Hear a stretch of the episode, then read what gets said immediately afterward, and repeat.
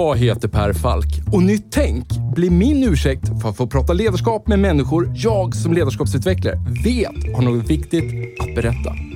Och med tio avsnitt per säsong, varannan vecka, gräver vi därför ner oss i tekniker, principer och synsätt för att vi ska sätta fingret på vad som kännetecknar det ledarskap vi alla behöver se mer av. Och för att få de här samtalen att hända så har vi sponsorer. Först och främst min arbetsgivare Mindset där jag och mina kollegor tar fram både små och stora ledarskapsprogram som skapar de nya beteenden som behövs för att få er strategi att hända. Allt handlar om att noga identifiera moments that matters. Samt Promote, som är den självklara digitala plattformen för dig som vill skapa effektfulla lärresor och ett mätbart resultat i verksamheten. Och om ni vill ge era nya medarbetare en riktigt bra introduktion med en välkomnande och effektfull onboarding så tycker jag ni ska kontakta superproffsiga Induction. Ni hittar såklart länkar i avsnittsbeskrivningen. Nu hoppar vi in i samtalet. Enjoy!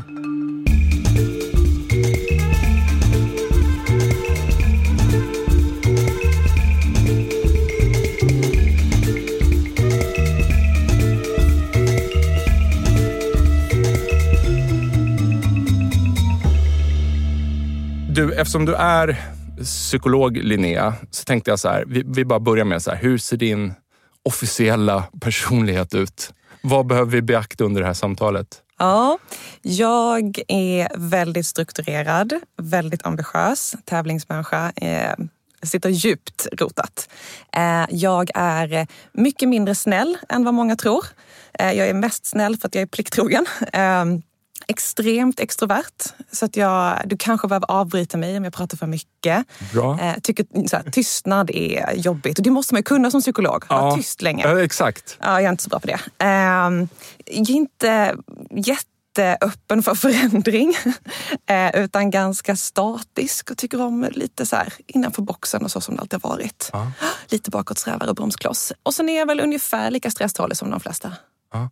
Om man är väldigt extrovert, Ja. är det inte en liten paradox då om man är lite förändringsobenägen? Det, det här kan ju vara liksom bara min fördom. Ja, nej, det går att prata lika bra om det som har varit som det som komma skall. Det är rent liksom, personlighetsstruktur är det ju olika konstrukt. Ja. Så att eh, jag kan ju prata ihjäl mig om gamla saker. Jag älskar ju till exempel att här, se samma film om igen.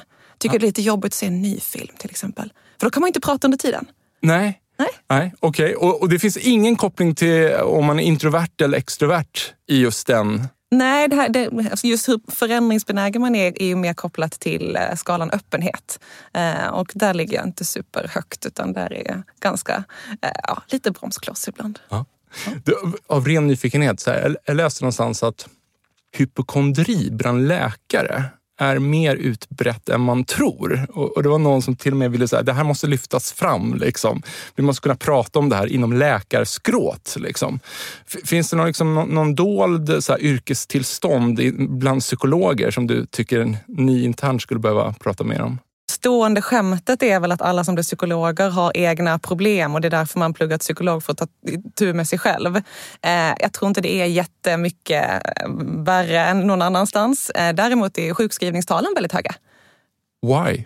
Ja, det, man, det är ju ofta ett ganska emotionellt tungt arbete. Ja. Eh, Du behöver ta på dig ganska mycket av andras ångest eh, och jobba med den. Det finns ju till exempel, jobbar du med väldigt eh, deprimerade patienter så bör man inte ha för många sådana på rad till exempel. Eh, För det blir väldigt jobbigt emotionellt. Ja. Vi känner ju av att bli påverkade av andras känslor. Att sitta med någon som mår dåligt, har det tufft, har den mimiken. Alltså vi blir jättepåverkade av andra personer. Det är ju svårt att bara gå till jobbet och sitta av tid. Ja, verkligen. t- tänker jag. Ja, och det är svårt att gå hem på fredagen och korka upp en flaska rosé och eh, tycka livet är jättehärligt. Ja. Men det måste man ju kunna. Varför är du inte så snäll som man tror? Och, och varför, varför tror man att du är snäll? Eh, jag tror... Um, jag är, eftersom jag är så pass social så är jag väldigt glad för att vara med andra personer. Eh, men den här skalan, eh, liksom vänlighet, alltså jag är inte extrem men eh, jag, jag är lite mer krass än vad man kanske tror och bryr mig lite mindre om andras känslor än vad man tror. Ja. Du, om, vi, om vi då lämnar personligheten då, då och så bara zoomar ut ett snäpp då, och sätter kontexten. Vem är du Linnea? Jag är eh, mamma till två glada och lite riviga barn. Eh, fru till eh, en fantastisk man. Jag är legitimerad psykolog. Eh, före detta elitidrottare ifall det spelar någon roll. Eh, och kanske då mest relevant för det här samtalet. Jag har en bakgrund inom eh, rekrytering, ledarutveckling och idag finns jag som Head of People på Alva Labs. Ja. Elitidrottare inom vad? Jag var sprinter. Typ, Typ hund- 100 meter Ja, eller 400 meter? Ja, 100, 200, 400. Ja, Okej. Det här kanske jag borde ha koll på då, men i landslaget typ? Eller Jag var, är... ja, fast junior. Ja, Så okej. att det är inte, nej, man borde inte liksom känna igen mig på stan. Nej. Eh, Så snabb Och var jag, känner, inte. och jag, jag har ju liksom ingen koll på idrott alls. Alltså, det det, nej, nej, det blir alltid jättepinsamt när det är så här, frågesport, idrottsfrågor. det blir alldeles tyst kring bordet. Liksom. Ja. Nej, men det är så, så. I det här fallet eh, inte så imponerande. Men jag har varit en sväng i USA på, så här, eh, heter det, på college och tävlat från skola där och Ja. insåg att det fanns andra som var jättemycket snabbare än mig. Ja. Du, vi har ju presenterat Alva Labs Ja. tidigare i två avsnitt. Jag ska återkomma till det alldeles strax. Men, men för någon som nu här, inte har lyssnat på de avsnitten, så här, vad gör ni på Alva Labs?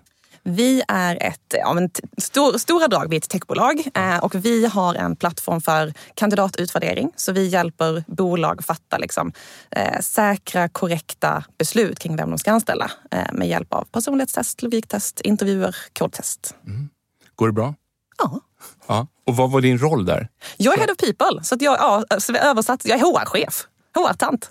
HR-tant. Ja. Ja. exakt.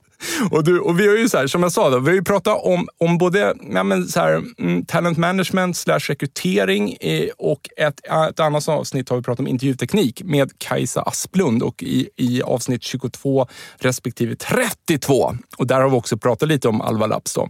Och, så det är tredje gången Alva Labs är i, i podden, men så tänkte jag så här, idag ska vi inte prata om rekrytering och kandidatutvärdering. Det som egentligen är er, er kärna. Utan istället så tänkte jag att vi ska prata om performance reviews.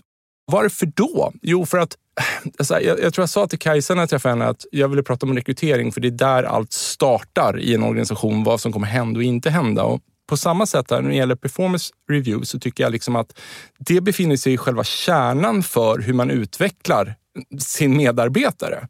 Men, men trots det så är det något som genomförs ja, men kanske lite halvhjärtat ute i organisationer och ofta med lite liksom, felaktig ansats. Vilket gör, tror jag, om jag sitter och killgissar här, men att det blir liksom en frustration både hos, hos chefer och medarbetare. Man kanske börjar ifrågasätta, så här, behöver det här göras överhuvudtaget? Och jag tänkte istället då så här, ja, men vi pratar lite, hur gör ni på Alva Labs? Hur, hur gör ni en performance review? Ni är ju ett bolag i framkant, så jag tänker så här, förmodligen har vi lite att lära här. Varför ska man ha en strukturerad process för det här? Mm. Ja, men jag tror det som är viktigt för oss är att alla behöver ha tydliga mål. Eh, Alla behöver få uppföljning på de målen. Alla behöver få regelbunden feedback. Det är liksom så centrala delar i eh, hur vi ska prestera, hur vi ska utvecklas, hur vi liksom växer inom våra roller och inom organisationen. Att det vill inte jag lämna till slumpen.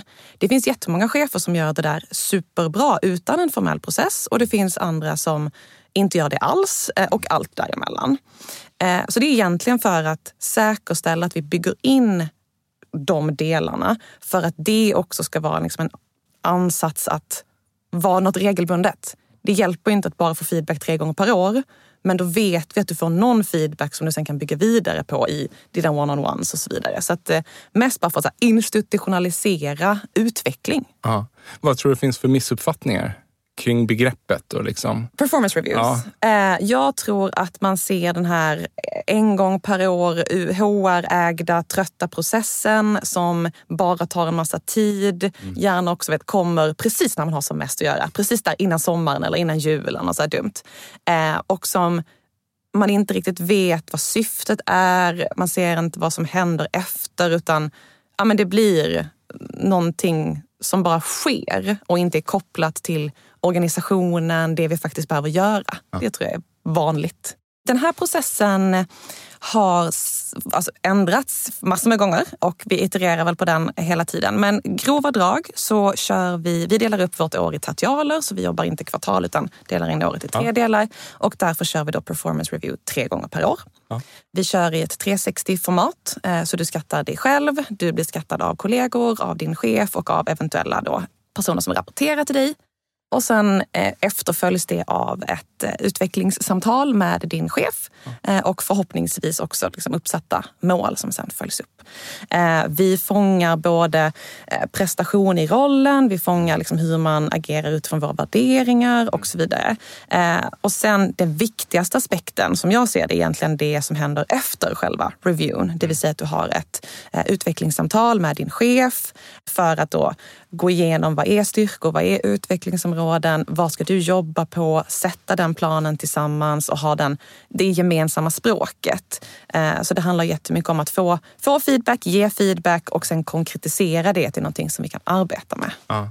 Så som mallen är och liksom förslaget är, är att du börjar med att egentligen gå igenom vad stack ut. Eh, just för att alltså ställa den frågan som chef till medarbetaren. Vad, vad, vad tog du med dig? Vad sitter du med? Eh, oftast kan det vara ganska informativt för vad är det vi bör lägga liksom, samtal på? Var det någonting som studsade? Eh, och att man sen delar, det här stack ut för mig. Mm. Och sen går då in och, vad var de tydligaste styrkorna? Eh, gärna då, ja, men, vad är de tre styrkorna som du tar med dig? Mm. Bra, det här skrev jag upp som de, dina tydligaste styrkor. Vad är den en liksom, utvecklingsområde som du vill jobba på? Och det är ju medvetet prata om fler styrkor än om utvecklingsområde för att kunna få in mer positiv förstärkning och mer positiv feedback. Och sen då, ja men jag tycker att det här kanske är någonting. Och sen då att sätta mål. Okej, vad är det? Vad ska vara annorlunda nästa gång vi sitter här? Och i vårt fall är det då om fyra månader. Vad ska ha hänt? Och försöka konkretisera det, göra en plan. Och här brukar jag föreslår att det är medarbetaren måste äga sin plan. Så därför har vi också då templates. Så vi kan dela med, alltså jag delar jättegärna med mig av templates både kring DevTalks och våra, hur man sätter upp planer och sådär. Gärna. Ja, det går jättebra. Eh, inga hemlisar. Eh, men att det då är medarbetaren som, och utifrån det här samtalet sätter jag upp planen. Och sen i förlängningen så har vi ju satt då att varje chef ska ju ha alltså medarbetar, alltså samtal, one-on-ones. Antingen alltså, minst varannan vecka. Och där ska du sen då följa upp, hur går det? Eh, hur ligger du till nu? Har du fått göra den typen av uppgifter som du ville göra? Mm. Eh, där har du fått öva på de här sakerna? Ja, men nu här senast när jag såg dig i det här, då såg jag att du verkligen försökte. Eh, det du kanske ska göra ännu mer av i det här. Så att det hela tiden blir en liksom löpande dialog. Så det är väl lite som, ja, som sagt, samtalet är egentligen det viktiga i själva performance review-processen. Vad tror du är framgångsfaktorn i ett sånt samtal? Då, då? Här sitter, här har någon fått en, en 360-utvärdering. Liksom. Är, är det sanningen då man, man personen Nej, har fått där? det behöver det inte vara. Men jag försöker uttrycka som att det är sanningen av hur du uppfattas. Aha. Det behöver inte nödvändigtvis vara att det är så du är eller att alla ser hela dig, hela din prestation. Mm. Men det är någonting som gör att andra personer har bedömt dig på ett visst sätt. Mm. Och då försöker jag ofta uppmuntra i att okej, okay, vad skulle det kunna handla om? Mm. Visst, oftast så känner man igen sig mycket, men det kanske är någonting som sticker ut. Och då kanske det är att nej, men det folk har missuppfattat. Eller så. så att jag tror att det, det är ju en sanning i en ögonblicksbild. Eh, som inte behöver vara grundat i en så objektiv sanning, men det är ändå någonting som man bör beakta. Ja. Och när ni sätter upp då eh, så att ni sätter upp mål ja. i liksom efterföljande samtal. Och de här görs tre gånger, liksom utvärderingen görs tre gånger per år. Ja. Och vad kallade du det för? Uppföljningssamtal? Eller vad? Ja, vi kallar det för DevTalks för att eh, vi är så här, ett trendigt SAS. Eh, Som i medarbetarsamtal. Ja, exakt. Ja, ja. Utvecklingssamtal. Ja. I det samtalet då, då, då sätter ni upp mål från, baserat på innehållet i det här Ja, eh, det finns då en mall som man kan använda, men man behöver inte.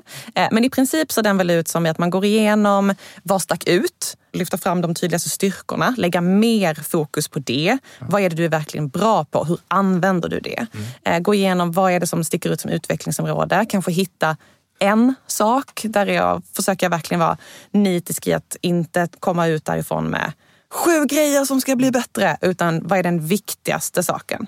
Och sen utifrån det, okej, okay, vad ska du jobba på? Mm. Och det kan ju vara att jag vill bli bättre på det här. Men allra helst, i min drömvärld, hittar man ju, det här är jag bra på. Mm. Hur använder jag den superkraften ännu mer, ännu smartare? Mm. Och det sätter jag mål på. Um. Och se till att, att min chef då kanske också hjälper till att försätta mig i situationer där jag liksom drar nytta av det här. Då. Ja, mm. och koppla det till vart vill jag vara om ett år, två år, fem år? Uh, så att vi kan bygga mot det målet tillsammans. Ja, ja. Så här, det här som du nämner nu, så här, det handlar ju väldigt mycket om då hur, hur, hur ska jag säga så här, hur se till att den här personen kommer till sin rätt ja. och hur fila bort liksom, eventuella skavanker då, som finns, då, saker man måste beakta i sin, sin personlighet. Då, så eh, men, men sen så det finns bara en massa liksom, hard skills. Liksom. Är jag en duktig psykolog? Eller liksom, är jag en duktig utvecklare, mm. kanske hos Alva Labs, som mm. sitter och programmerar? Ja. Vad blir relationen där mellan det, det mjuka och det hårda? Ja, men, och jag tror det, det beror nog på vilka frågor man ställer. Ja. För det är ju jättecentralt att jag tror inget bolag bara ska plocka exakt så här kan du ställa frågor. Mm. Utan det beror ju på vad är viktigt för att lyckas hos er. Mm. Och så behöver du ju koppla det till verksamheten. Och det är därför vi kopplar det här till vårt så här, karriärsramverk. Vad, är, vad behöver en utvecklare göra? Vad behöver en säljare göra? Mm. Vad behöver en head of people göra? Eh, så att du blir utvärderad både på rena så prestationer i rollen som ju ofta är kopplat till hard skills men också soft skills. Och sen har vi också med hur man lever våra värderingar som blir mer kopplat till liksom beteenden som inte nödvändigtvis är rollspecifika. Mm. Så vi vill ju utvärdera så relevant och så brett som möjligt men att det fortfarande ska vara liksom inte ta för mycket tid. Det får inte vara 200 frågor. Eh, det är en sån där sak som vi har förändrat. Varje gång har vi skalat av någon fråga för att göra det så, liksom, ja. så kärnfullt ja. som möjligt. Du bara nämnde ju så här, kort där, så här, att ja, men så här, några frågor som man kan ställa eller så ställer man dem inte. Mm. Det lät som det var lite valfritt. Ja, men jag tror det, man måste ju backa till vad är syftet med den här reviewn? Eh, och jag tror tillbaka till den här, vad är föreställningarna, vad är den dåliga versionen? Ja, men det är den här en gång per år, det HR som har duttat ner lite frågor som inte är så himla relevanta. Mm. Syftet med vår review är ju just att dela relevant feedback, utvecklas som person. Ja, men då behöver vi ställa frågor baserat på det. Vissa kanske har mer, nej men jag vill göra det här för successionsplanering. Ja, men då får du ju rikta frågorna mot mer framtida potential. Vart vill man? Hur presterar man? Och så vidare. Och så vidare. När vi ändå pratar om det då här, om man inte känner att man når fram, vem, som, vem, som, vem? Chef. Som chef? Som chef. Ja. Eh, man, sitter, man når inte riktigt fram under det här samtalet eh, och, och får personen att eh, liksom inse vad man behöver jobba med. Ja. Har, har du några standardtips där? jag tror ställa frågor och inte, det är inte ditt ansvar att utveckla den här personen. Ditt ansvar är att hjälpa den här personen ta sitt ansvar.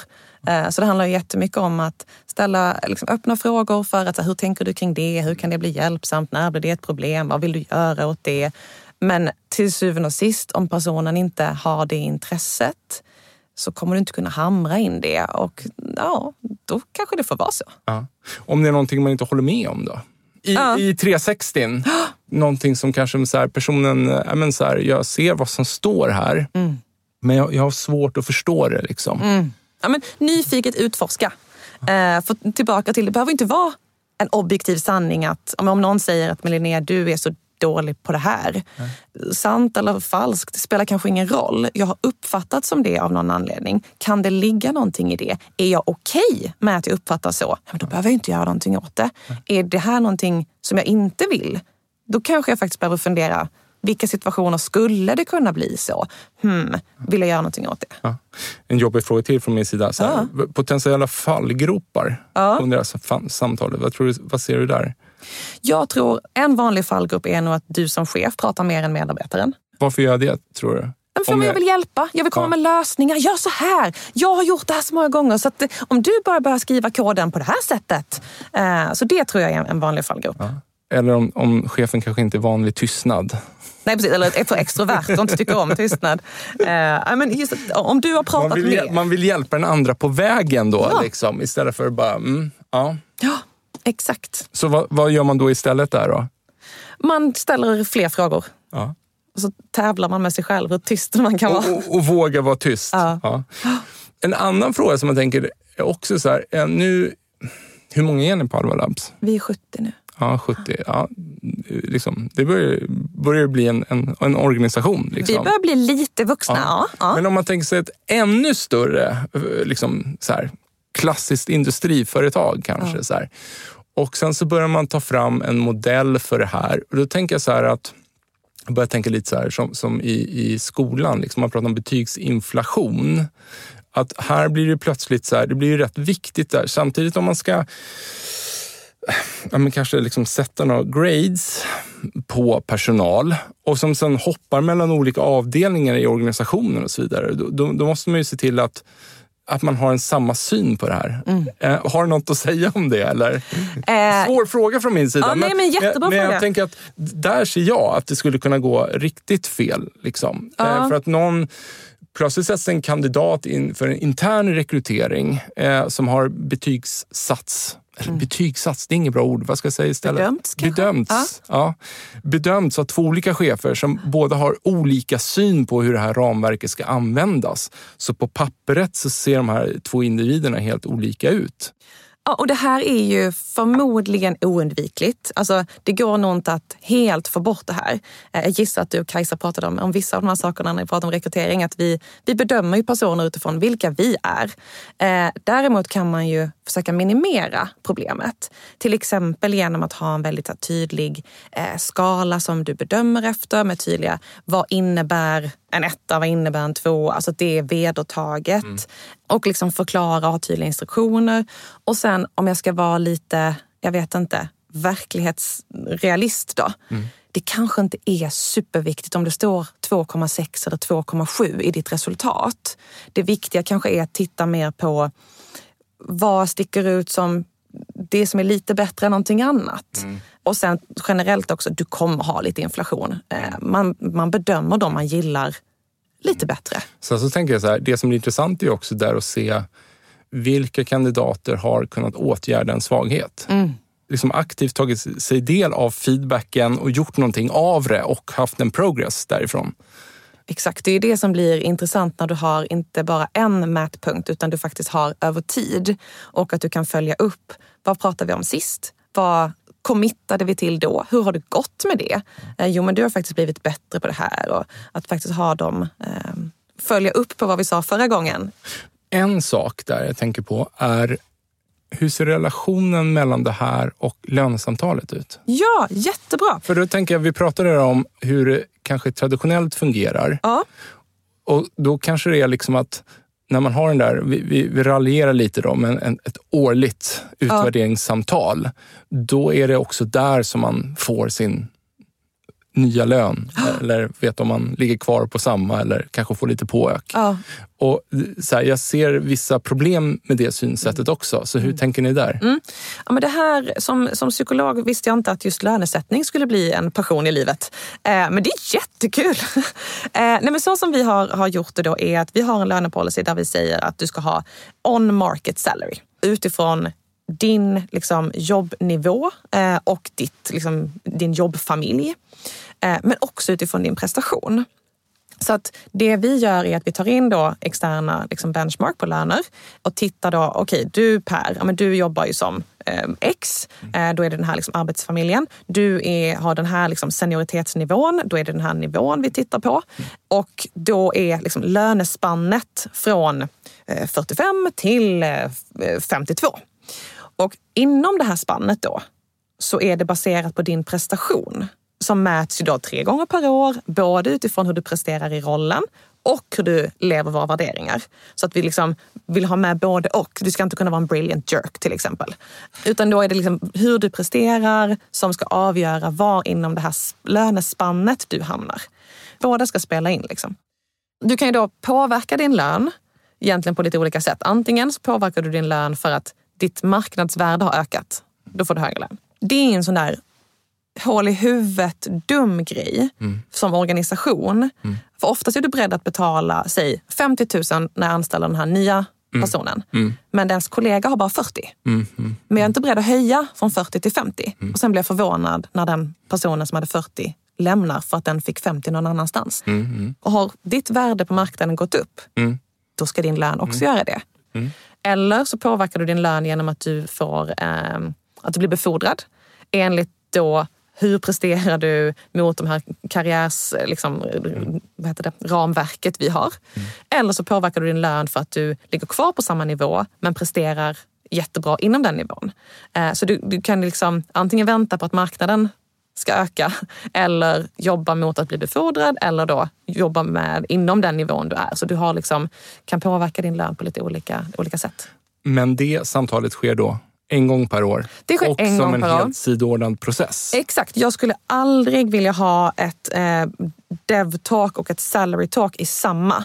För, Bra då där. kan, nej, för då kan du aldrig ha en ärlig dialog Nej, med det den är anställda. lite det som jag kan känna också och det blir fel fokus. Ja. Liksom. För då, nu, då eh, särskiljer man det hela, då kan vi verkligen hänge oss om vad, så här, vad du och jag måste liksom bli bättre Exakt. på och, och ha ett ärligt samtal kring det. Exakt. Så det, och det är lite tillbaka till psykologisk trygghet. Om du säger, nu ska vi prata om din utveckling och dessutom din lön.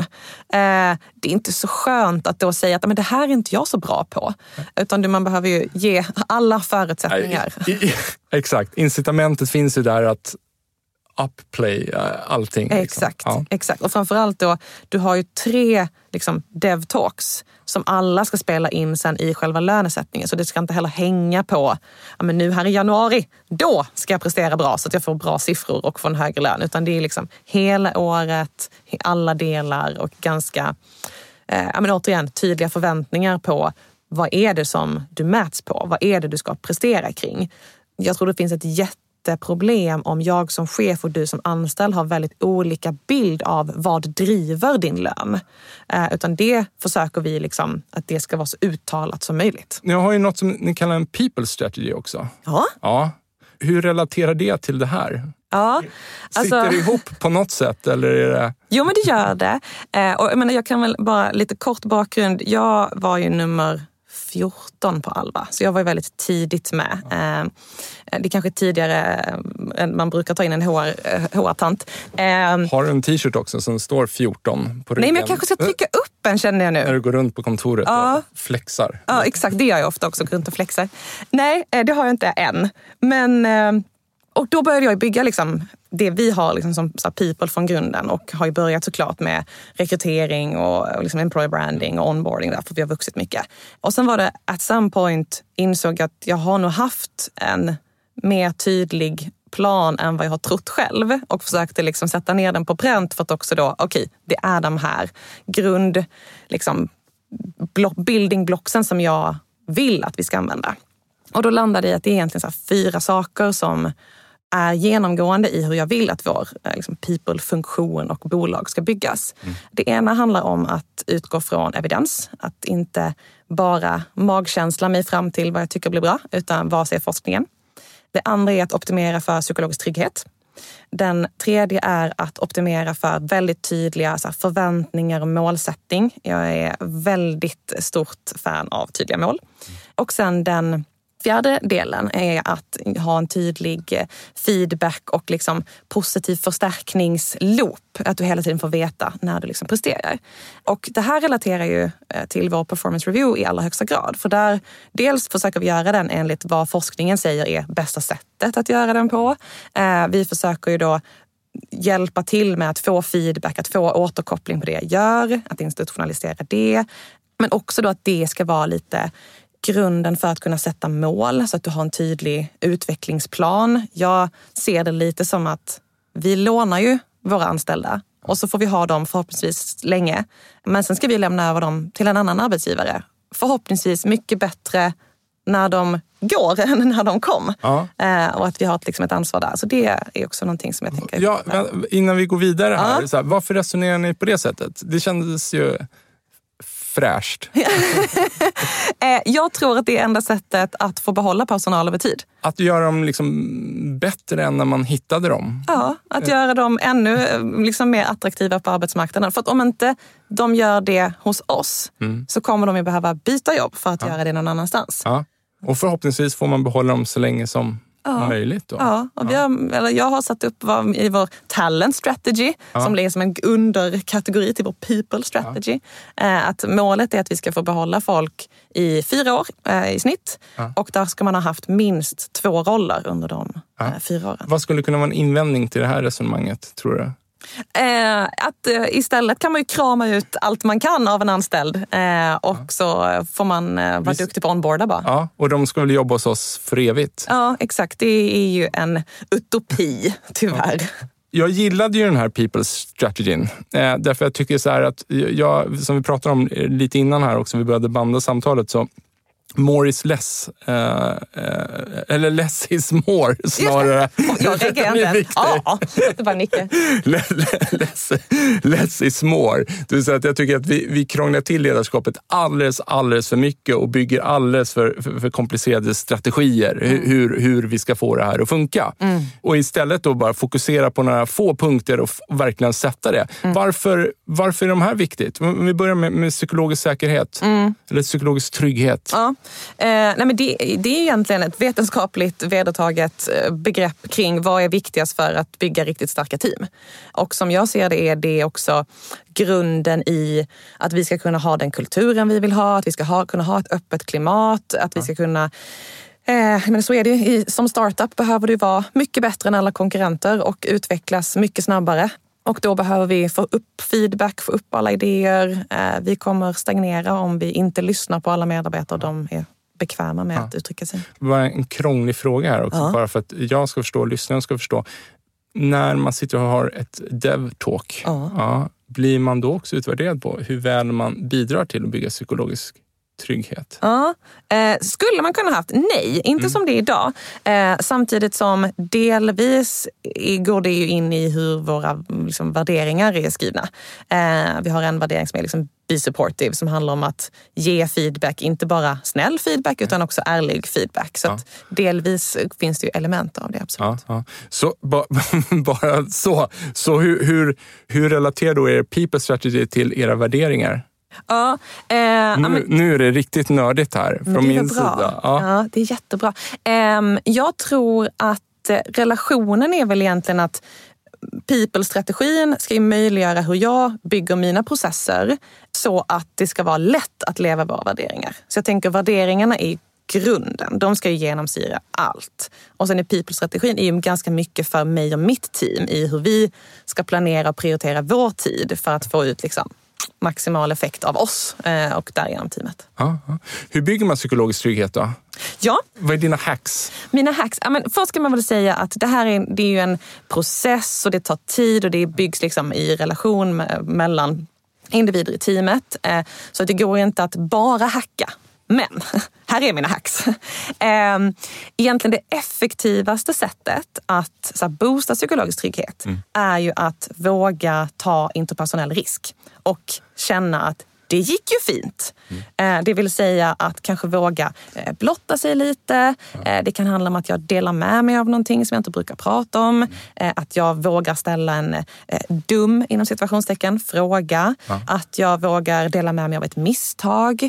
Och att gruppen då tar emot det på ett bra sätt. Så Pratar, pratar du om en ledare nu? jag pratar om alla. Om alla? Ja. För, jag- för jag bara tänkte så här, det, det där kan ju vara, även om man själv då känner så eh, som medarbetare inom en grupp, liksom, det, där, det kan ju vara rätt, så här, det låter så enkelt. Och jag gillar när du säger så här, det vred sig lite i magen på dig när, när du pratar om hacks där märker jag. Och jag håller med dig. Liksom. Det, här, det här är en liksom, betydligt längre fråga eh, än så, tidsmässigt där.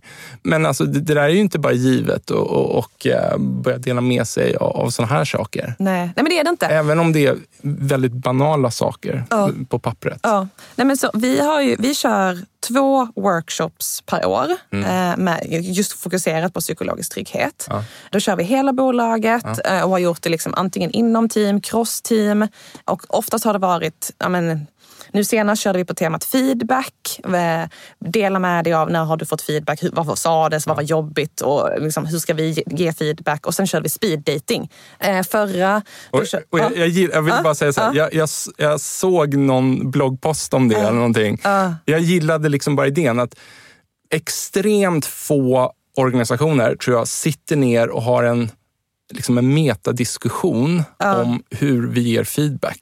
Eller hur kan vi ta fram gemensamma spelregler? Eh, eller berätta exempel där jag fick feedback och jag bara kände liksom att först blev jag arg men sen så bara insåg jag att ja, men det ligger någonting i det här. Att ja. bara ha det samtalet.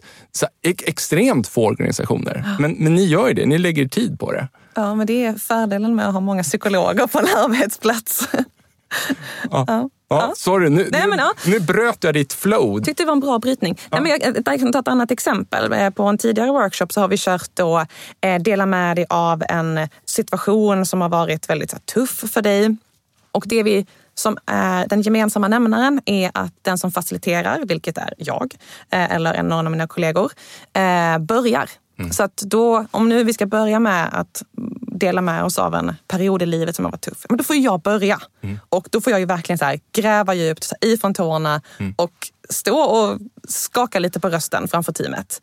Eh, vi har även gjort att våra grundare också då började. Ah. så att vår VD liksom tog sitt exempel, eller ah. vår CTO tog sitt exempel inför hela teamet. Bra, förlåt ah. jag säger det, men ah. jag bara... Ja. ja. Okej, okay. så de, de började stort och, ja. och, sen så bröt ni ner det i liksom mindre grupper och gjorde det kanske enklare och enklare. Ja. ja. Och vi har gjort det när det var pandemi, då körde vi allt remote. Det gick jättefint. Eh, och när vi har, vi har kört live på kontor, ja, men, i olika format. Och så tänker jag, eh, om vi bara hoppar över till positiv förstärkning där. Då, liksom att, eh, vikten av när någon verkligen gör det vi pratade om, att man då också som både medarbetare och ledare jag brukar kalla det klickerträning. Men exakt! Men, men ja. jag, gör, jag gör med lite humor och, ja. och du förstår vad jag menar här. Ja. Eh, och, eh, men, att man bara bekräftar att jag såg vad du just gjorde och det här gjorde mig jätteglad. Exakt. exakt. Och det är det som är så viktigt då, att ha de här liksom, utvecklingssamtalen med sin chef så att båda vet, det här tränar jag på. Här behöver jag hjälp. Här behöver jag att du förstärker mig, ser det. Så att man direkt kan liksom, ah, i det här mötet, nu gjorde du det. Ja. Nu gjorde du det, det var jättebra. Det här liksom fick mig att känna detta. Bra! Ja. Eh, så att det blir klickerträning. Ja. Vad är positiv förstärkning och varför är det så effektivt? Eh, men, ja, det är... och, och, vad och, varför säger vi klickerträning? Ja, exakt. Ja, men bra. Eh, det finns ju en jättefiffig modell som heter liksom ABC-modellen inom psykologi där man pratar om så här, hur drivs beteenden. Och då har vi A står för liksom aktiverar en, någonting som sätter igång ett beteende. Typ magen kurrar, sätter igång beteendet. Jag går och kollar i kylen.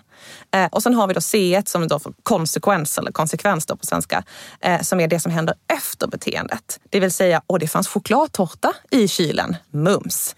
Och det man brukar prata om då är ju att ungefär 80 procent av det som driver beteendet är vad som händer efter. Mm. Men i en organisation mm. så jobbar vi nästan bara med aktiveraren, alltså de här 20 procenten. Vi sätter mål och vi ger instruktioner mm. och sen ger vi instruktioner igen och sen fattar vi inte varför ingenting händer eftersom de flesta organisationer är ganska dåliga på att följa upp, att förstärka, att vara chokladtårtan eh, på mötet. Att säga liksom, men bra, eh, nu såg jag att du gjorde det här beteendet eller ah, men det här fick mig att känna så här. Eller liksom att verkligen ja, det måste hända någonting efter. Och relaterat då till klickerträning är det hur man tränar djur.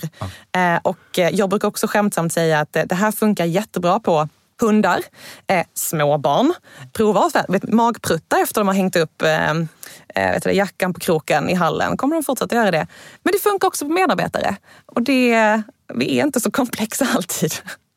Nej, så, så, det är inte du som sitter och, och, och killgissar eller eh, tjejgissar här, liksom, utan du, du kan, det, det, finns lite...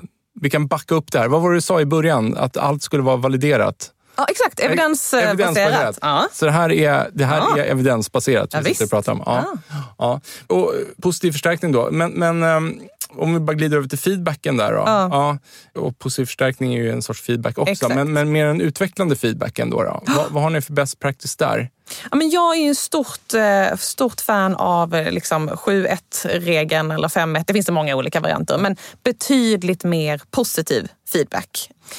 Utifrån att då har du byggt upp en liksom trygg relation och det blir mycket, mycket lättare att ta till sig den här eh, konstruktiva eh, feedbacken. Men egentligen så, så som vi pratar om hur vi ger liksom feedback spelar inte det någon roll utan vi utgår från att den ska vara specifik i den här situationen när du gjorde X beteendet. Och sen relatera det till vad det blev för konsekvens hos mig som person. Alltså då upplevde jag eller då kände jag så här. Och anledningen till det är, det är så lätt att typ, när du gjorde så, det var fel, kunden tyckte inte om det.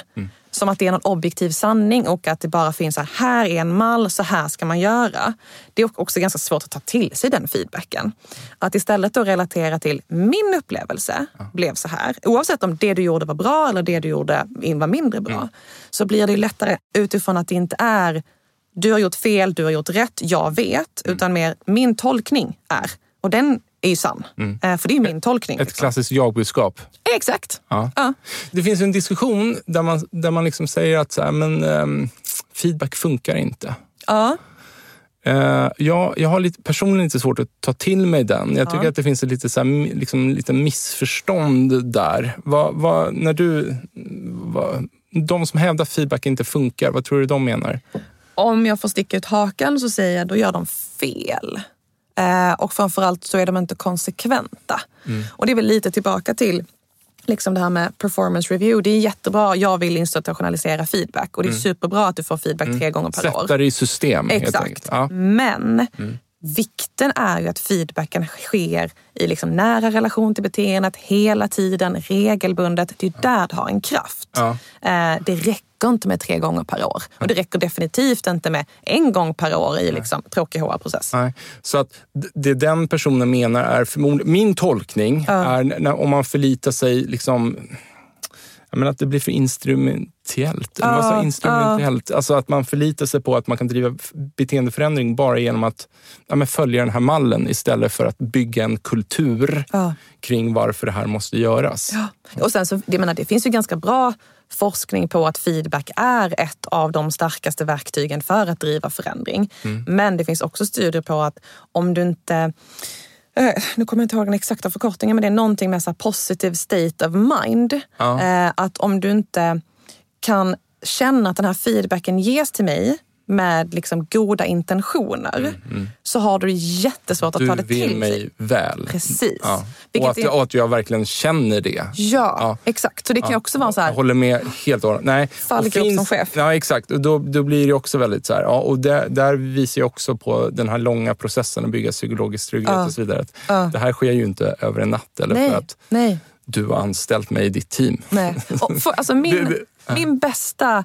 Jag vet, har Johan Bok varit med i podden? Ja, Ja, han är så bra. Ja. Eh, han, strålande. Jag, han jag bara springer upp ett Ja. leende. Ja. Ja, men briljant Nej, men det var ett, ett enormt uppskattat eh, avsnitt. Ja, det kan jag tänka mig. Eh, nej, men jag tycker han har en sån bra sägning som jag har eh, snott med stånd stolthet. Eh, men det är ju att som ledare ska du prata 50% business och 50% bullshit.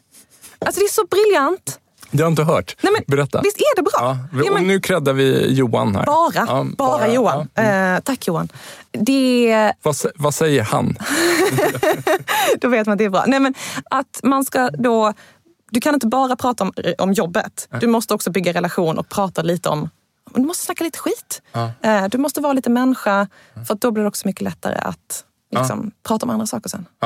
Ja. Men, men det blir ju lätt för dig då som är extro, väldigt extremt Ja. extrovert.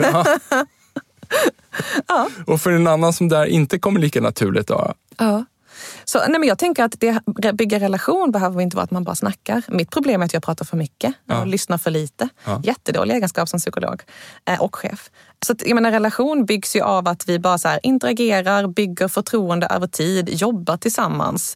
Men det är man kan ju slänga in ett så här, hur var helgen?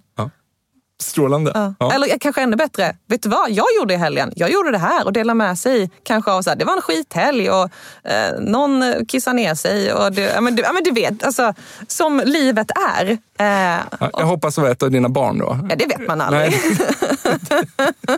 Ehm, men, nej, men att man faktiskt tar in det här med liksom psykologisk trygghet och vågar bjussa på sig själv är också en del Ja. av... Till eh, eh, målsättningen då? då? Ja. Ja. Va- Varför blir det viktigt? Eh, nej men för, också baserat så här, vad forskning säger är viktigt. Har du ett uttalat mål så kommer det vara mycket större chans att du når det målet. Eh, kontra om man typ, jag vill bli lite bättre kanske eventuellt någon gång. Så att, att uttala det, att det är tydligt och framförallt kanske skala av. Jag tror ett vanligt, eller det vanligaste tror jag att man är för dålig på att sätta mål. Mm. De är för, för vaga, de är inte förankrade, eh, man följer inte upp dem. Mm. Men också att man kanske har lite för många mål, eh, lite för tuffa mål. Mm. Jag gillar ju mycket, alltså jag tycker det är så Relatera även till om man ska göra någon form av men så här, livsstilsförändring. Jag vill börja träna. Att det är ganska många som då, jag ska gå på gymmet sju gånger i veckan och så tar man i liksom från kung och fosterland och sen efter en månad så var det ingen som kunde upprätthålla det där. Eh, kontra att säga, ja, men jag kanske ska börja ta en promenad på 20 minuter två gånger i veckan. Det, det är jättebra, för då kanske du kan hålla i det. Så små, små steg. Ja, bryta ner, eh, att ha liksom ett mål, ett fokus och hjälpa till att sätta verkligen vad är första steget. Eh, så det är väl också en sån där som jag tänker att som chef, om du kan bara, okej nu har du fem saker du vill göra på. Vad ska du göra först? Vad är viktigast? Liksom, vad kommer ge störst effekt? Great, Då, den här saken. Vad är första steget du ska ta? Och det, alltså att bli ganska tramsigt detaljorienterad i den diskussionen. Då har du oftast en mycket mer hanterbar plan. Eh, Så det kan också vara ett bra tips till, till chef. Ja, så om du skulle summera det där. Ja. Skala av så att du har få mål, gärna Ja. bara ett. Ja. Gör det så konkret som möjligt. Det ska gärna vara mätbart, tidsbestämt, liksom realistiskt, alla de här sakerna. Eh, Men också att bryta ner det till första steget. För att det ska bli annorlunda imorgon. Vad liksom, ska du börja göra? Tänker ni på mål på olika nivåer också? Så här, något jag vill lära mig kanske? Något Ja. jag behöver åtgärda hos mig själv? Ja, Hur mycket jag ska sälja eller programmera eller... eh, exakt. Ja, men här, pro- alltså någon sorts produktivitetsmål, eh, personlighets... Ja. Jag, jag vet inte. Nej, men det är en jättebra fråga. Ehm, här är nog min roll som lite så här psykodynamisk psykolog tror jag träder in här.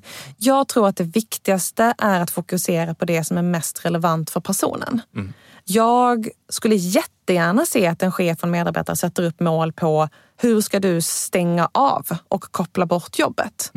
För det kanske är det som faktiskt gör att du i förlängningen blir mest produktiv.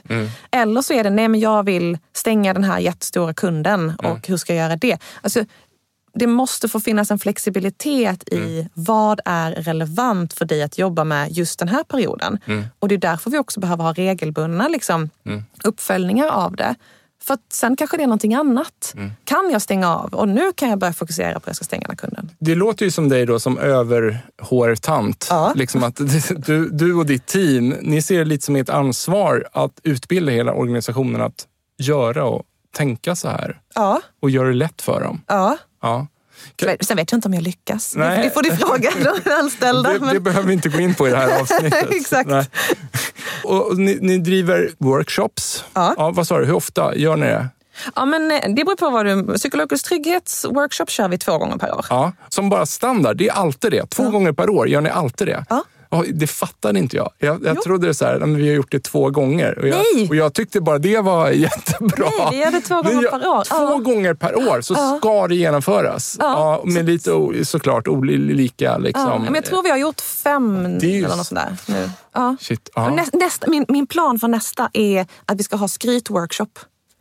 För det är super socialt obekvämt att säga att det här är jag riktigt bra på. ja, ja, Så ja. det, det är min plan för nästa. Du nämnde ju någonting att speed dating. Ja, feedback eh, speed dating hade vi. Ja. Kan du berätta något mer om det? Med, med sina närmsta medar, liksom, Eh. Ja, då körde vi in i inom, teamen. inom teamet. Ja. i teamen som vi började med att så här, vad är jobbigt med feedback? Hur ska vi sätta feedback, eller ge varandra feedback i, i det här teamet? Och sen utifrån den här feedbackmodellen som vi jobbar med i liksom ett specifikt beteende och relatera till Mm. eh, den subjektiva upplevelsen. Liksom, fick man ge minst en bra och Mm. minst en utvecklande till varandra. Har ni workshops, nu var det liksom psykologisk trygghet och, och, och nu gick vi in och liksom Mm. pratade feedback. Men, men har ni också workshops specifikt om de andra Nja, pillars? Ja, eller, exakt. eller, eller, liksom, eller, eller smälter det här, allt det här ihop? Ja, det, jag skulle nog säga att det, mer, det smälter ihop. Och det är mer hur... Att För sätta- allt relaterar ju till varandra också. Ja, det, exakt. Så, så är det ju. Exakt. Men allt det, går ju in i våra ledarprogram som jag liksom, eh, kör med våra, våra ledare. Det går in i hur vi har eh, jobbat med ledningsgruppen. Eh, Det går in i, jag kör regelbundna eh, så här, utbildningsinsatser, typ halvtimme per månad för alla chefer, där vi tar upp sådana saker. Men sen framför allt så går det ju in i hur vi liksom driver bolaget. Alltså, alla ska ha mål. Mm. Och jag, vissa chefer har hatat mig uh, jättemycket för att jag sa men nu är inte dina mål tydliga. Uh, och de behöver vara, finnas öppet för alla och jag ska kunna se dem. Och liksom, så att allting ska finnas på plats. Uh, så det är också vad, vad, jag vill att vi ska fokusera ja. på generellt. Du, vad... Um, finns det något annat som ni gör som, alltså generellt som organisation och som du tror sticker ut lite om man jämför mot andra oh, mer klassiska organisationer? Um... Något som ni kanske också är lite så här blinda för, för ni, ni ser det som så självklart, men något som bara slagit dig att hmm, här, men, gör inte ni det här? Det som jag får kanske mer reaktioner på är, vi har 35 eh, dagars semester. Och, Oj! Ja och uppmuntrar alla att liksom ta ledigt. Vi har väldigt hög grad av flexibilitet och frihet. Men så här, men är det inte bara för att ni har kassan fylld av riskkapital här nu då? Nej. Som gör att ni kan slänga ut, skulle någon kunna säga. Ja, ja. ja. Eh, jag skulle säga att det är tvärtom. Eh, man kan konkurrera med jättehöga löner om man har kassan full med riskkapital. Ja. Eh, eller så sätter man marknadsmässiga löner och väljer någonting annat att konkurrera med. Vi valde semester. Också för att vi liksom tror på konceptet att jobbar du hårt så behöver du också vara ledig länge. Mm. Mm. Men vi har men så här, mycket flexibilitet och frihet. Eh, vi tidsrapporterar inte. Du får jobba varifrån du vill, eh, när du vill, hur du vill. Eh, och egentligen utgår vi från att sätta tydliga förväntningar och mål och sen ska du lösa det själv. Och det finns ju bra saker med det och dåliga med det. Men jag tror att det är en sak som har gjort att vi har kunnat attrahera jätteduktiga medarbetare. Liksom. Att det är frihet under ansvar. Ja. Eh, så är vi ganska transparenta också. Alltså allas, allting finns öppet för alla. Mm, mm. Vad går du och leker med i tanken så att du skulle vilja göra för workshop i framtiden? Och som du bara, hmm, det här kanske är för crazy.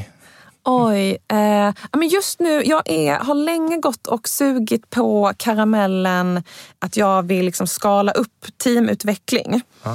Eh, för nu har jag, kör jag liksom våra ledarprogram för både de som faktiskt är chefer men också mer specialistroller. Utan mer, du har någon form av ledande eh, position och då ledarprogram för, för ledningsgruppen.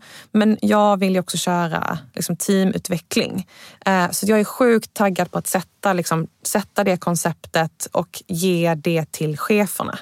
Så att göra det så enkelt så att inte jag behövs. Mm. Eh, så det är den som jag går lite så här, mm, vad skulle det kunna vara? Ja, men det, det, där, det där är ju också ett väldigt intressant område. Uh.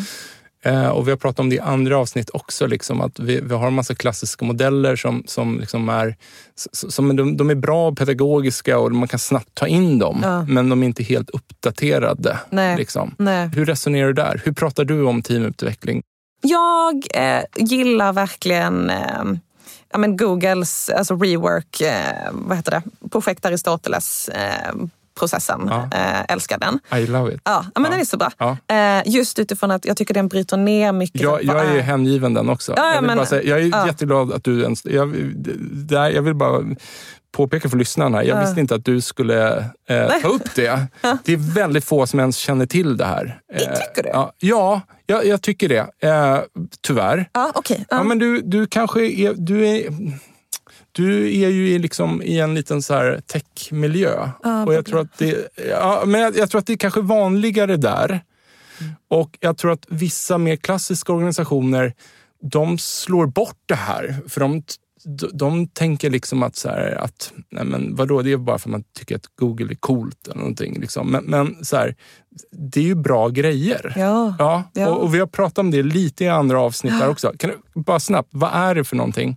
Ja, men, jag tror jag berörde det faktiskt med Kajsa också. Ja, exakt. Um, det är egentligen, uh, Google har gjort en massa forskning på sina team. Mm. Vad är det som kan predicera, förutsäga framgång i team och har mm. landat egentligen i liksom fem grund, eh, grundpelare i vad som är viktigt i, mm. i teamsammanhang. Och den viktigaste av allt är då liksom, grundpelaren är ju psykologisk trygghet. För att ett team ska fungera bra så behöver du ha den här Liksom att våga ta interpersonell risk. Grunden för, för vad som Exakt. kommer hända och inte hända. Och, Exakt. Ja. Och det är därför vi lägger så mycket mm. vikt vid det. Ja. Ofta så är det ju lite för teoretiskt och så kan man inte använda det. Nej. Jag är ju väldigt mycket för att jag gör det hellre ganska banalt och väldigt lite teori mm. Eh, och mycket mm. mer så här, göra. Det jag, jag tror eh, som liksom börjar ta form i mitt eh, huvud och snart ska ner på någon form av eh, ja, digitalt papper, kanske inte faktiskt papper, är väl att använda sig av projekt Aristoteles och liksom de här fem principerna för, för effektiva team. Bryta ner det i hur kan vi jobba med det här som team? Inte liksom att nu ska vi utbilda oss och vad är psykologisk trygghet? Utan vad gör vi för att vi ska bli lite mer psykologiskt trygga i det här teamet? Och liksom ta nästa, men där är att vi ska vara, kunna lita på varandras, så att vi är dependable av varandra. Okej, vad, hur gör vi för att skapa de beteendena, den känslan, liksom, att och, by öka det? och bygga i, och inte se det som någon så engångsgrej. Utan Sen nyckeln blir ju att så här, men det där måste göras hela tiden. Ja. Det kan vara så enkelt att man gör en in och utcheckning eh, ja. ibland i ett möte. Ja. Som en grej som bidrar till det, av flera grejer. Exakt. Exakt. Men, men, men, just det där att jag tänker så här att det, det är också jag gillar att bara förstå vad man, återigen, vad man måste göra hela tiden. Inte att nu ska vi göra det här för att komma till det här steget. Nej. Det är där det blir så fel. Ja. För då kommer man sen sluta göra ja. det man just gjorde. Utan ja. så här, vad krävs att man hela tiden ar aktivt arbetar med för att vara ett välfungerande team? Liksom, tänka mer ur det perspektivet. Kanske. och lite bara bryta ner allting till vad är de minsta beståndsdelarna. Mm. Och det är väl mycket det som också, tillbaka till den här people-strategin. Ja, men så länge vi har tydliga mål, så länge vi har psykologisk trygghet, så länge vi har eh, en liksom uppföljning, feedback och att det är på ett evidensbaserat sätt. Mm. Då, då hamrar jag hellre in det på olika, liksom olika infallsvinklar. Mm. Och det är, så, det är egentligen så enkla saker. Det är liksom inte jättekomplext och superteoretiskt och sådär. Vi behöver bara göra sakerna. Ja, nu, nu känner jag att jag återupprepar mig för vad jag sa innan vi hoppade in till studion till dig. Det var därför jag, jag tvekade. Men, men det, är det, så här, det, det, det, är just det jag gillar och det var därför också så här, när vi pratade om det här med, med people strategy här innan. Liksom att, återigen, så här, det, det, så här, ledarskap är banalt. Det svåra är inte att förstå vad man borde göra. Det svåra är att sätta det i system och göra det löpande över tid. Ja. Hela, hela tiden. Ja, exakt. Ja. Och det är därför man då har performance review, så du utvärderar ditt ledarskap, sätter upp mål för att du ska bli en bättre chef och liksom bryter ner det beteende som du blir uppföljd. Ja. Som en avslutande fråga då, bara, så, varför tror du som psykolog, varför tror du att vi generellt som människor är dåliga att bedöma oss själva? För om vi då slår fast här alltså att ledarskap är egentligen rätt enkelt. Det är mm. de här banala teknikerna. Mm. Varför är det så svårt då att liksom sätta det i system? Varför tror vi förmodligen att men det här gör ju jag, mm. fast jag kanske inte gör det? Mm.